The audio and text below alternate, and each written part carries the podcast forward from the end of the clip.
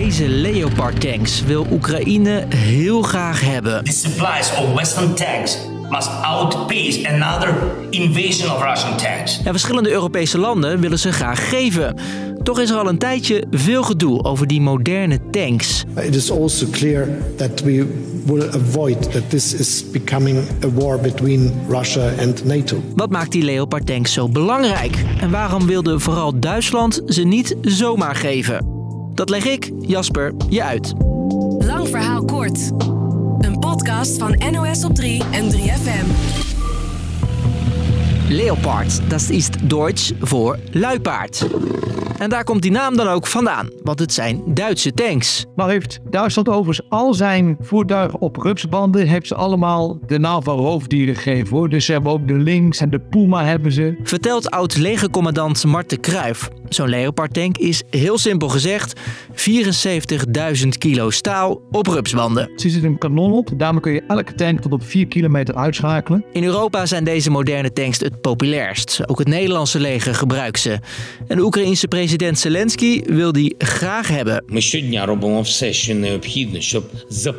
Want de tanks in Oekraïne raken op. Eigenlijk zijn beide partijen alles wat ze nog hebben een beetje bij elkaar aan het schrapen. Oekraïne heeft wel Russische tanks buiten die kunnen ze gebruiken. Maar eigenlijk is dat te weinig. En oorlog voeren zonder tanks, dat is volgens de Cruijff eigenlijk geen optie. En tanks zijn zowel jouw laatste man in de voelelftal als je spits. Dus in de verdediging heb je tanks nodig om andere tanks te kunnen uitschakelen. En je hebt tanks nodig in de spits, in offensief, om het gewoon het gevecht te kunnen winnen. Tanks worden echt gezien als aanvalswapen. En dat soort materiaal leveren lag lange tijd gevoelig. Maar na een jaar oorlog nu iets minder. Oekraïne krijgt ook tanks van Frankrijk of Amerika. Maar juist die Duitse Leopards zijn nu heel handig. Het is een heel betrouwbaar wapen. Het is vrij simpel te bedienen. En maar vooral de producent van de Leopard, die zit in Duitsland. Dus als jij munitie nodig hebt, of je hebt een nieuwe motor nodig. En dan kun je ze makkelijk natuurlijk halen uit een land wat vrij dicht bij het front ligt dan uit de Verenigde Staten. Alle ogen waren de laatste dagen daarom gericht op Duitsland. Dat een sleutelrol kan vervullen, vertelt onze correspondent Charlotte Waaiers. Er zijn tweelings, want Duitsland heeft van die Leopard tanks en Duitsland heeft ze ook gemaakt. En verkocht ze aan allerlei Europese landen, maar wel met strikte afspraken. Toen wilden ze natuurlijk wel weten dat ze niet ergens heen verdwijnen waar ze het niet mee eens zijn. Dus hebben ze gezegd, als je dat dan aan een ander land wil geven, dan moet je toestemming vragen. Dus zonder Duitse toestemming geen tanks voor Oekraïne.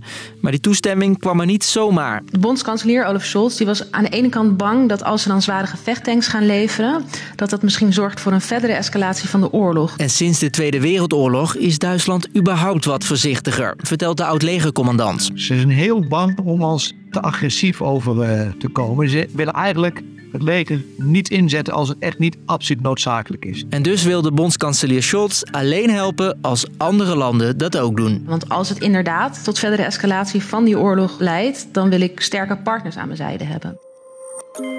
Behalve Duitsland willen ook Polen, Finland en Noorwegen Leopard-tanks sturen. Goed nieuws voor Oekraïne, maar volgens president Zelensky is het niet genoeg. We hebben geen vijf of tien tanks nodig, zegt hij, maar 300. Marten Kruijf, de oud-legercommandant die je net al hoorde, snapt dat Zelensky er liever meer wil. Je hebt ongeveer 50 tanks nodig in het tankpatio. Dat noemen ze een, een eenheid. Want een tank alleen heb je niks aan. Oekraïne is een ontzettend groot land. Dus wat je eigenlijk wil is wel vier of vijf van dat soort eenheden. Dan kom je heel snel uit op 200, 250 tanks die je nodig hebt. Het nieuws over deze tanks krijgen ze ook in Rusland mee, ziet onze correspondent daar, Iris de Graaf. En Poetin is er niet blij mee. Nu is volgens Moskou het hek van de dam voor allerlei landen om ook extra wapens te gaan sturen naar Oekraïne.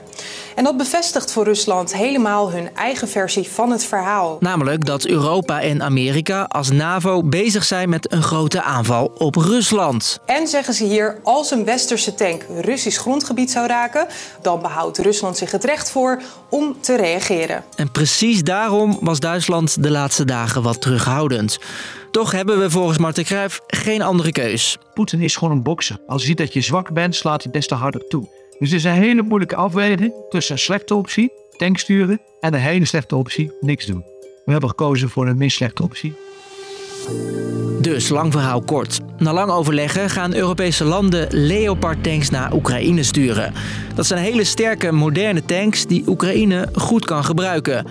Omdat de tanks in Duitsland worden gemaakt, moest dat land toestemming geven. Daar was lang twijfel over vanwege de reactie van Rusland hierop, maar het gaat nu toch gebeuren. Was de podcast weer?